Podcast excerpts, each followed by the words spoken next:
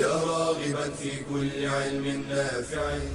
ينمو العلم ويتقدم بتقنياته ومجالاته ومعه نطور أدواتنا في تقديم العلم الشرعي. أكاديمية زاد. زاد أكاديمية ينبوعها. صاف صاف ليروي غلة الظمآن. والسيرة العلياء عطرة الشدى. طيب يفوح لأهل كل زمان. بشرى لنا زاد أكاديمية للعلم كالأزهار في البستان.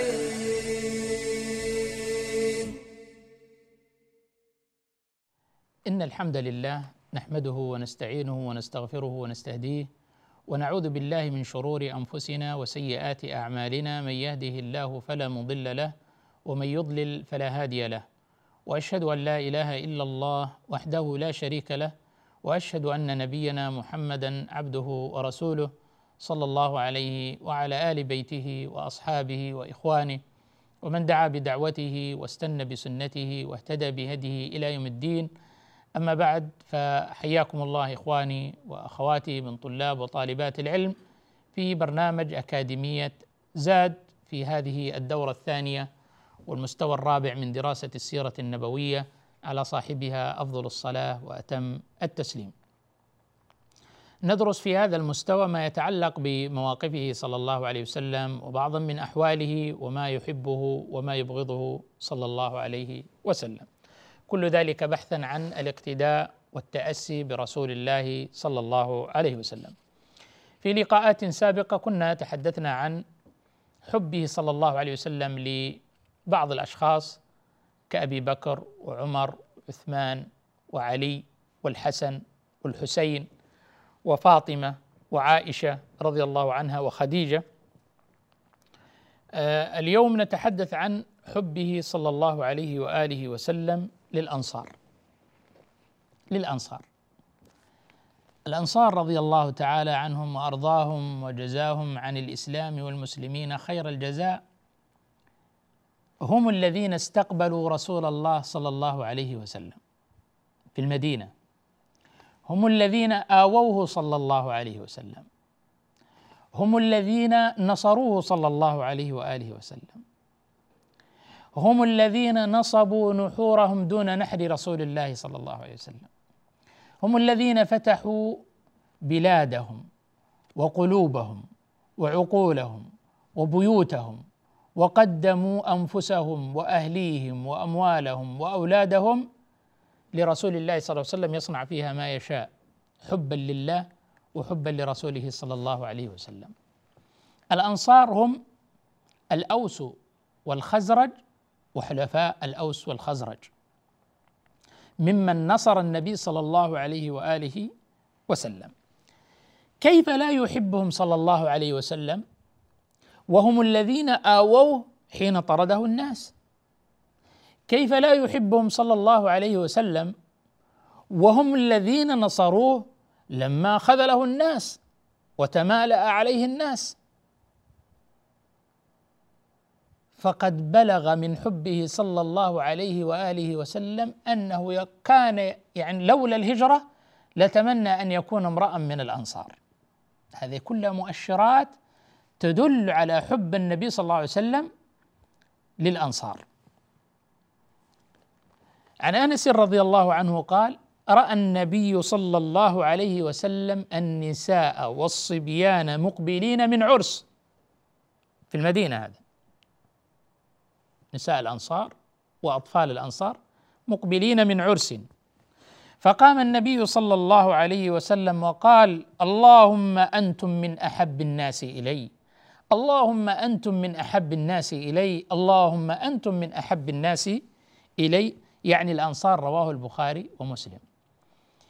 تعبير واضح وصريح ومكرر وإعلان مدوي عن حب النبي صلى الله عليه وسلم للأنصار من الأوس والخزرج رجالهم ونساؤهم وأطفالهم كلهم يحبهم صلى الله عليه وسلم ويكرر ذلك ثلاثا وهنيئا لهم هنيئا لهم لحب رسول الله صلى الله عليه وسلم لهم. وهم الذين نصروا الدين ونصروا رسوله صلى الله عليه وسلم وآووه وبذلوا أنفسهم وأموالهم وأولادهم ودماءهم في سبيل الله تعالى نصرة للإسلام ونصرة لرسوله صلى الله عليه وآله وسلم. كل هذا يدل على أنهم في سويداء القلب في سويداء قلب رسول الله صلى الله عليه وسلم محبة لهم. وصفهم الله سبحانه وتعالى في كتابه الكريم بوصف عظيم جليل لهؤلاء الأنصار فقال والذين تبوأوا الدار والإيمان من قبلهم. تبوأوا الدار استوطنوا المدينة. والذين تبوأوا الدار والإيمان من قبلهم يحبون من هاجر إليهم. نفوسهم طيبة زكية لا تحمل غلا ولا حقدا. على من هاجر إلى الله ورسوله. يحبون من هاجر إليهم. وهم المهاجرون الذين هاجروا إلى المدينة فرارا بدينهم واتباعا لرسول الله صلى الله عليه وآله وسلم. يحبون من هاجر إليهم. ولا يجدون في صدورهم حاجة مما أوتوا. هذه صفة ثانية. لا يجدون الأنصار في نفوسهم وفي قلوبهم شيء يحيك في صدورهم تجاه إخوانهم المهاجرين مما آتاهم الله وأعطاهم. ويؤثرون على أنفسهم ولو كان بهم خصاصة. هذه أعلى درجة السمو الاخلاقي والايماني الإيثار. أن يقدم الإنسان غيره على نفسه في حاجة من حاج الدنيا من مال أو غيره. لما جاء المهاجرون إلى المدينة استقبلهم الأنصار أحسن استقبال. بل لدرجة أن المهاجري كان لا ينزل إلا بقرعة. يعني الناس كانت تتنافس غاية التنافس في استقبال هؤلاء المهاجرين وش معهم هؤلاء المهاجرين؟ هل عندهم أموال يعني يطمعون فيها أو يطمعون في شيء من ورائهم غير الأجر والثواب من الله سبحانه وتعالى؟ ما عندهم شيء خرجوا وقد تركوا كل شيء. فهذا دافع إيماني حتى أنهم كانوا يقترعون ويتنافسون من يؤوي هذا المهاجري ومن يؤوي هذا المهاجري. فكانوا يستقبلونهم أحسن استقبال. وآووهم في بيوتهم وفي بساتينهم بل أنهم أرادوا أن ينزلوا عن بساتينهم وشيئا منها أو بالمناصفة يقاسموهم ذلك. وأرشد النبي صلى الله عليه وسلم أن على المهاجرين أن يعملوا مع إخوانهم الأنصار ويعطوهم من من من هذا الذي يخرج لهم. والكل يعلم يعني الموقف الذي كان بين عبد الرحمن بن عوف المهاجري وسعد بن الربيع الأنصاري كيف أنه أراد أن ينزل له عن إحدى زوجتيه ويتنازل له عن إحدى حديقتيه. فقال له بارك الله لك في أهلك ومالك دلني على السوق. فلذلك الأنصار بلغوا هذه المنزلة العظيمة فأحبهم الله تعالى وأختارهم لنصرة نبيه صلى الله عليه وسلم. وأحبهم رسول الله صلى الله عليه وسلم وقال لولا الهجرة لكنت امرأ من الأنصار. ودعا لهم اللهم ارحم الأنصار وأبناء الأنصار وأبناء أبناء الأنصار الناس شعار والأنصار دثار. كان خاصه لهم بين عند رسول الله صلى الله عليه وآله وسلم. بل ووجهنا النبي صلى الله عليه وسلم في تعاملنا مع هؤلاء الأنصار الذين يحبهم الله ويحبهم رسوله صلى الله عليه وسلم أن قال لنا اقبلوا من محسنهم وتجاوزوا عن مسيئهم. اقبلوا من محسنهم. من أحسن منهم؟ نقبل إحسان. طيب من أساء؟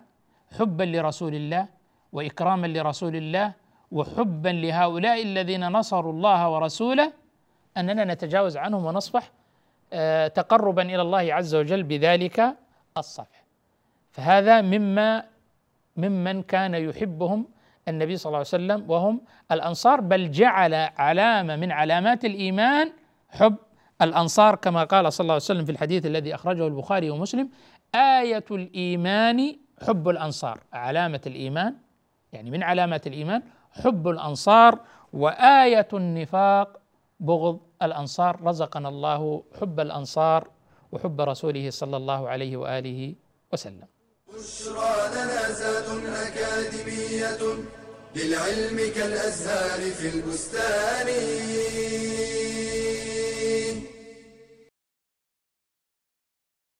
المطر الغزير هو الذي تبتل به الثياب ويحمل الناس على تغطية الرأس ويسبب وحلا وطينا وزلقة ولا حرج في الجمع بالمسجد بين المغرب والعشاء أو بين الظهر والعصر.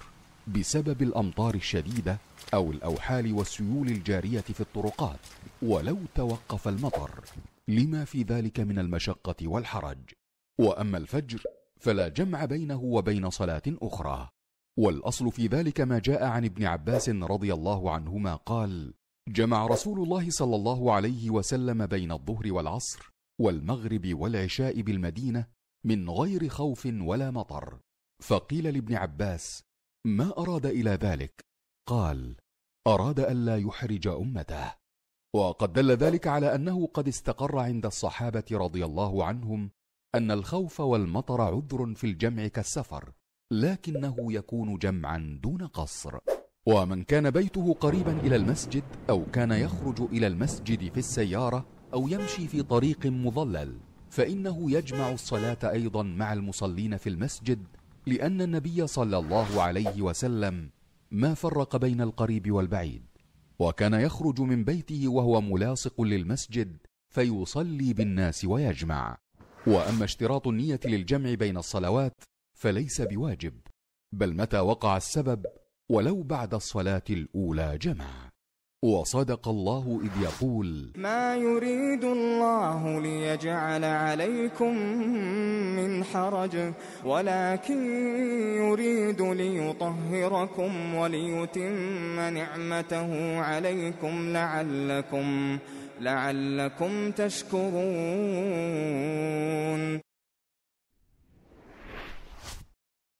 بشرى لنا زاد أكاديمية. للعلم كالأزهار في البستان. الحمد لله والصلاة والسلام على رسول الله وعلى آله وصحبه ومن والاه. أما بعد فإن الشخصيات التي كان يحبها النبي صلى الله عليه وسلم متعددة ومتنوعة. فمنهم من كان يحب الأفراد بأعيانهم ومنهم من كان يحب الأقوام. الأفراد كأبي بكر وعمر وعثمان وعلي وفاطمة وخديجة وعائشة والحسن والحسين وغيرهم كثير ممن كان النبي صلى الله عليه وسلم يصرح بحبه لهم. ومعاذ رضي الله عنه لما قال له يا معاذ إني لأحبك في الله. وغيرهم كثير. آه كان من الفئات التي يحبها النبي صلى الله عليه وسلم المساكين. المساكين. المساكين من المسكنة والفاقة والحاجة. لا تكفيهم ما لديهم لا يكفيهم في حوائجهم. فهم قد أصابتهم المسكنة والضعف والحاجة والفاقة لقلة ذات اليد فلا يستطيعون أن يغتنوا بأنفسهم ومن من معهم. من أبنائهم وأزواجهم وغير ذلك. هؤلاء المساكين كانوا مقربين إلى النبي صلى الله عليه وسلم. كان يحبهم صلى الله عليه وآله وسلم. وهذا مؤشر على ما كان في قلب الحبيب المصطفى صلى الله عليه وسلم من التواضع والإخلاص لله عز وجل. فإن الإنسان قد يحب القريب وقد يحب المحبة الجبلية وقد يحب لميل نفسي وقد يحب لحاجة يرجوها آه، وقد يحب إنسان لنسبه وقد يحب لقرابته وقد يحب لماله وقد وقد وقد. لكن أن يحب المسكين ما الذي ترجو من هذا المسكين إلا أن الله يحبك بمحبته؟ وكان من دعاء النبي صلى الله عليه وسلم كما روى ذلك ابن عباس رضي الله عنهما قال قال رسول الله صلى الله عليه وسلم اللهم إني أسألك فعل الخيرات وترك المنكرات وحب المساكين. وحب المساكين. اذا النبي صلى الله عليه وسلم سأل الله عز وجل أن يرزقه حب المساكين أن يحبهم. وأن يرزقه مودتهم والتلطف بهم والإحسان إليهم. اذا هو من الأمور المس... التي يدعى بها أن الإنسان يرزقه الله عز وجل حب المساكين والإحسان إليهم. وهذا الدعاء دعاء عظيم وفيه من الشمول مع قلة عباراته وكلماته إلا أنه لا يترك بابا من أبواب الخير إلا وقد سئل. ولا بابا من أبواب الشر إلا وقد استعيذ منه. اللهم إني أسألك فعل الخيرات. يدعو النبي صلى الله عليه وسلم ربه أن يهيئه ويعينه على فعل الخيرات. فعل الخيرات. الخيرات كلمة عامة تشمل الواجبات والمستحبات وتشمل الفرائض والسنن النوافل وتشمل الآداب والأخلاق وتشمل آه الأقوال والأفعال وتشمل الأحوال القلبية اليقين الحب الرجاء حسن الظن. كل هذه الأعمال الصالحة من الأقوال والأفعال والأحوال الظاهرة والباطنة تشملها كلمة الخيرات. اللهم إني أسألك فعل الخيرات. كل خير. وترك المنكرات سأل ربه أن يوفقه وأن يعينه على ترك المنكرات. كل منكر أنكره الشرع. يشمل الكبائر والصغائر واللمم يشمل المنكرات القولية يشمل المنكرات الفعلية يشمل منكرات الأحوال وحب المساكين أن يقذف في قلبه محبة المسكين والمحتاج والفقير. وقد أخبرنا صلى الله عليه وسلم قال أبغوني الضعفاء منكم أبغوني ضعفاءكم في الغزوات في القتال. كان يرجى هؤلاء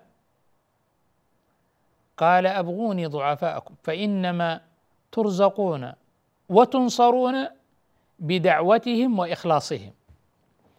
تلاحظ من بركات هؤلاء المساكين وهؤلاء الضعفة الذين يجب على المجتمع أفراد ومجتمع بشكل عام الإحسان إليهم الوقوف إليهم إعانتهم الأخذ بأيديهم تخفيف آلامهم وأحزانهم إعانتهم على الحياة.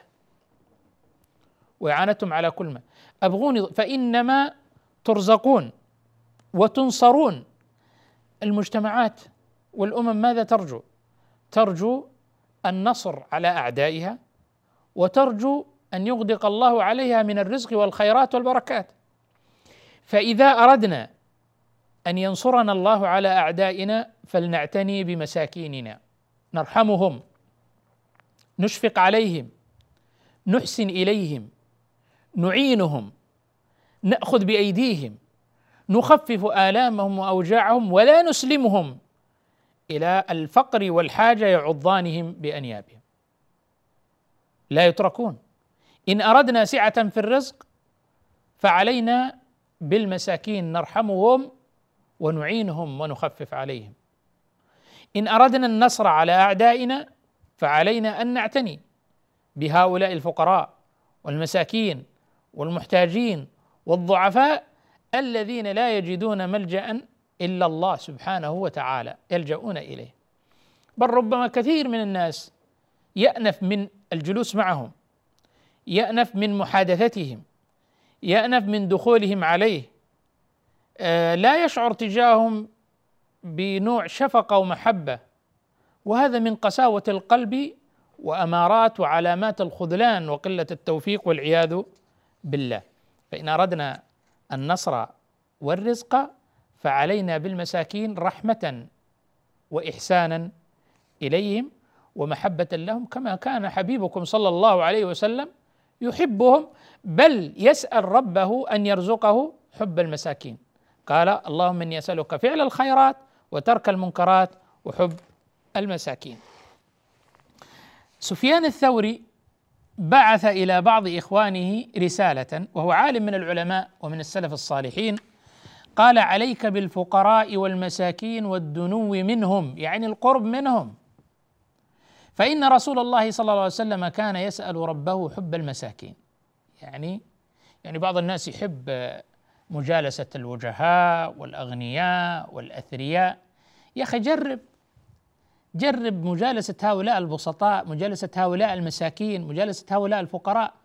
استمع إليهم اسمع منهم آنسهم تحدث معهم. والله ستجد قلبك ستجد في قلبك رقة ستجد في روحك أنها ترفرف وتسمو للعلو.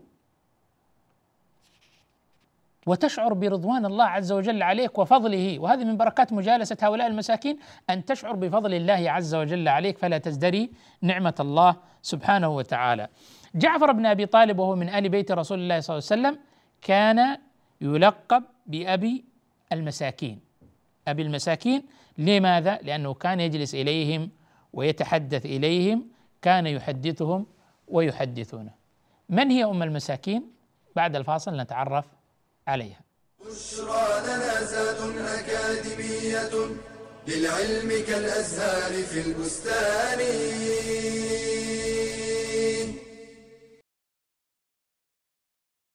يا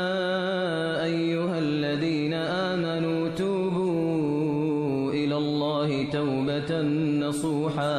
عسى ربكم أن يكفر عنكم سيئاتكم ويدخلكم جنات تجري من تحتها الأنهار. فالتوبة ممحاة الذنوب وسبيل المغفرة والرحمة بها تتنزل البركات وتبدل السيئات إلى حسنات. قال ابن القيم رحمه الله تعالى التوبة من أفضل مقامات السالكين لأنها أول المنازل وأوسطها وآخرها فلا يفارقها العبد أبدا ولا يزال فيها إلى الممات وإن ارتحل السالك منها إلى منزل آخر ارتحل بها ونزل بها فهي بداية العبد ونهايته وحاجته إليها في النهاية ضرورية كما حاجته إليها في البداية كذلك. وحكم التوبة أنها واجبة على الفور من جميع الذنوب والمعاصي. قال النووي رحمه الله واتفقوا على أن التوبة من جميع المعاصي واجبة على الفور ولا يجوز تأخيرها. سواء كانت المعصية صغيرة أو كبيرة. وللتوبة الصادقة شروط. أهمها أن تكون خالصة لله تعالى فإن الله لا يقبل من الأعمال إلا ما كان خالصا لوجهه. ترك الذنب والإقلاع عنه بالكلية. ندم القلب على ارتكاب الذنب. العزم على عدم العودة. رد المظالم إلى أهلها أو طلب البراءة منهم. المبادرة بالتوبة قبل الغرغرة وقبل طلوع الشمس من مغربها. ومن أهم ما يعين المسلم على التوبة النصوح استشعار قبح الذنب وضرره والتفكر في عواقبه الوخيمة في الدنيا والآخرة. التعرف على الله والتدبر في أسمائه وصفاته مما يورث في القلب خشية وتعظيما له سبحانه. تذكير النفس بالموت والدار الآخرة. شغل الأوقات بالأعمال النافعة. اجتناب رفقاء السوء. ومصاحبة أهل الدين والصلاح. مفارقة مواطن المعاصي. فالإقامة بها قد يجر إلى المعصية مرة أخرى. استدراك ما فات من حق الله إن كان ممكنا كأداء فوائت الصلاة والزكاة. الاستكثار من الحسنات وفعل الطاعات. فالله تعالى يقول إن الحسنات يذهبن السيئات ذلك ذكرى للذاكرين. قال صلى الله عليه وسلم إن الله عز وجل يبسط يده بالليل ليتوب مسيء النهار ويبسط يده بالنهار ليتوب مسيء الليل حتى تطلع الشمس من مغربها. بشرى لنا زاد أكاديمية للعلم كالأزهار في البستان. الحمد لله والصلاة والسلام على رسول الله وعلى آله وصحبه ومن والاه وبعد. النبي صلى الله عليه وسلم كان يحب المساكين ويدن منهم ويقترب إليهم ويحسن إليهم يحادثهم ويحدثونه ويعطيهم ويكرمهم ويقبل عليهم صلى الله عليه وسلم بل كان يسأل ربه أن يرزقه حب المساكين وألا يكون في قلبه نفرة منهم أو زهدا فيهم. وكان يحث أمته على تقريب هؤلاء المساكين رجاء بركة دعائهم وإخلاصهم فبهم يحصل المدد الإلهي والنصر على الأعداء وبهم أيضا تحصل فتح الخيرات والبركات.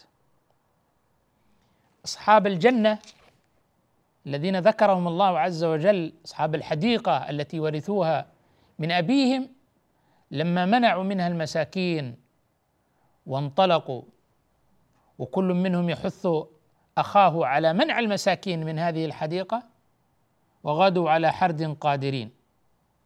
وتآمروا في الليل على أن يحرموا المساكين ويأتوا مبكرين ويحصدوا ويأخذوا الحصاد ويمنعوا منه المساكين. لما وصلوا إلى الحديقة فلما رأوها قالوا إن لضالون. لا لا أكيد هذه مي حديقتنا. يبدو أننا قد ضللنا الطريق من هول الصدمة من الكارثة الضخمة التي حلت بهذه الجنة وبهذه الحديقة وأنها أصبحت محروقة. سرى الله عليها بليل فأرسل عليها العذاب فحصدها وأحرقها وأبادها ولم ينتفعوا منها بثمرة. قالوا إنا لضالون بل نحن محرومون. هذه هي الحقيقة. حل بهم الحرمان لما بدأوا يفكرون في حرمان المساكين من هذا الخير الذي أعطاهم الله عز وجل. فحل بهم ما حل.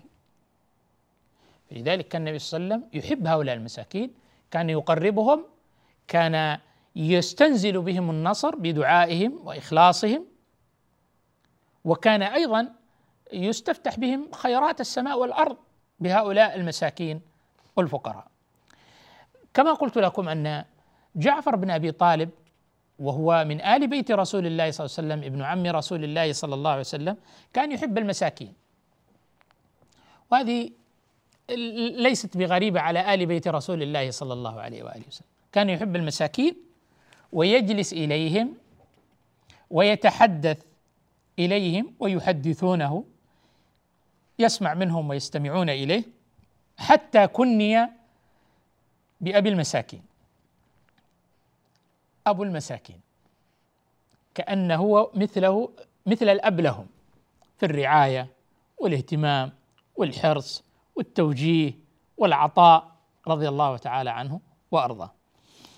أما أم المساكين التي كانت تلقب بأم المساكين فهي زينب بنت خزيمة أم المؤمنين رضي الله تعالى عنها.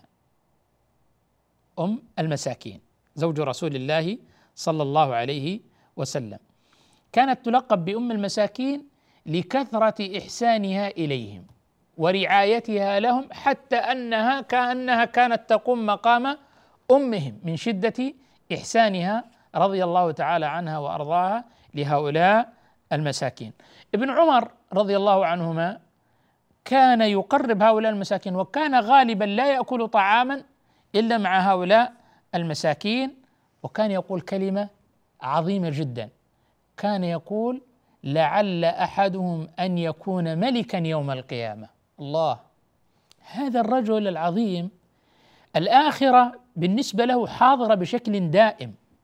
هذا المسكين اللي اليوم تحتقرونه وتشفقون عليه وتمدون يد المعونة له وترونه رث الهيئة أشعث أغبر مدفوع بالأبواب لا يؤبه به لعله أن يكون يوم القيامة ملكا.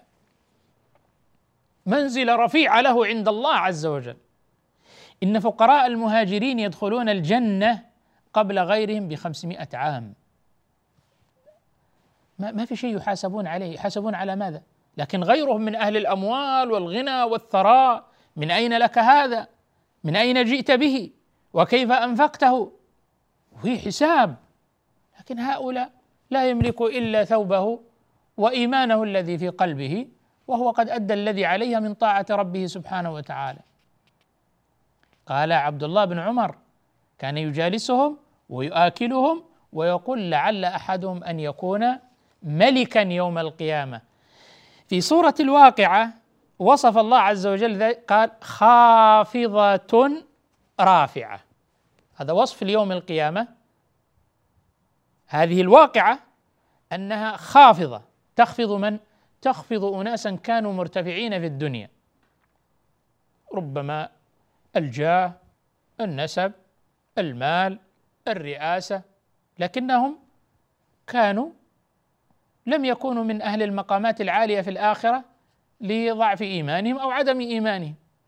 خافضة تخفض أولئك الذين كانوا مرتفعين في الدنيا رافعة ترفع أولئك الضعفاء والمساكين والفقراء والذين كانوا لا يهبى بهم ولا ينظر إليهم. ترفعهم منازل. وهذه الرفعه الحقيقية. هذه الدنيا زائلة.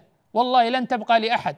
لم تبقى لملك ولم تبقى لغني ولا لأمير ولا لوزير ولا لثري ولا لفقير ولا لأحد ستبقى. لو بقيت لبقي رسول الله صلى الله عليه وسلم.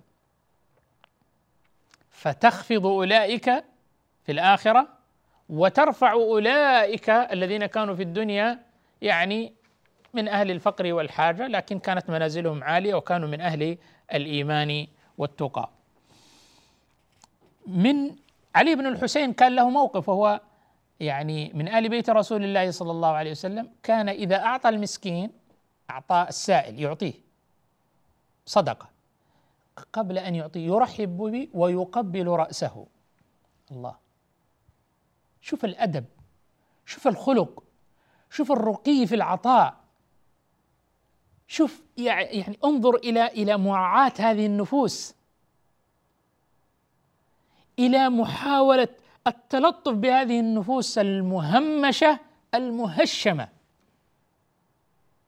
ابن رسول الله صلى الله عليه وسلم آل بيت النبي صلى الله عليه وسلم في العلم والأدب هذا الذي تعرف البطحاء وطأته. ومع ذلك يعطيه ويقبله. هذا من حسن العطاء. ممن كان يحب النبي صلى الله عليه وسلم كنا نقول أول هناك شخصيات باعيانها هناك فئات مثلا الأنصار المساكين هناك صفات كان يحب النبي صلى الله عليه وسلم. كان النبي صلى الله عليه وسلم يحب صاحب الخلق الحسن صاحب الخلق الحسن. كيف لا؟ وهو قال الذي قال فيه ربه وإنك لعلى خلق عظيم. فالنبي صلى الله عليه وسلم كان يحب صاحب الأخلاق الحسنة. قال صلى الله عليه وسلم إن من أحبكم إلي أحسنكم أخلاقا. رواه البخاري. أحب الناس إلى النبي صلى الله عليه وسلم أحسنكم أخلاقا. كل ما كان الإنسان يترقى في درجات الخلق الحسن كلما كان أحب إلى النبي صلى الله عليه وسلم. وفي الحديث الآخر إن من أحبكم إلي وأقربكم مني مجلسا يوم القيامة أحسنكم أخلاقا. لاحظ؟ أحب إلى النبي صلى الله عليه وسلم وأيضا أقرب منزلة إلى رسول الله صلى الله عليه وسلم من هم؟ أحسنكم أخلاقا. وهذا فيه توجيه لنا أن يتحلى الإنسان بالخلق الحسن وأن يستزيد منه لعله أن يكون أحب إلى رسول الله وأقرب منزلة من رسول الله صلى الله عليه وسلم وإن الرجل ليدرك بحسن خلقه درجة الصائم القائم وأن نحذر غاية الحذر من سوء الخلق. إن سوء الخلق ليفسد العمل كما يفسد الخل العسل. وصلى الله وسلم وبارك على نبينا محمد وآله وصحبه أجمعين. يا راغبا في كل علم نافع. متطلعا لزيادة الإيمان وتريد سهلا النوال ميسرا يأتيك ميسورا بأي مكان. زاد زاد أكاديمية ينبوعها صاف صاف ليروي غلة الظمآن. بشرى لنا بشرى لنا بشرى لنا زاد أكاديمية للعلم كالأزهار في البستان.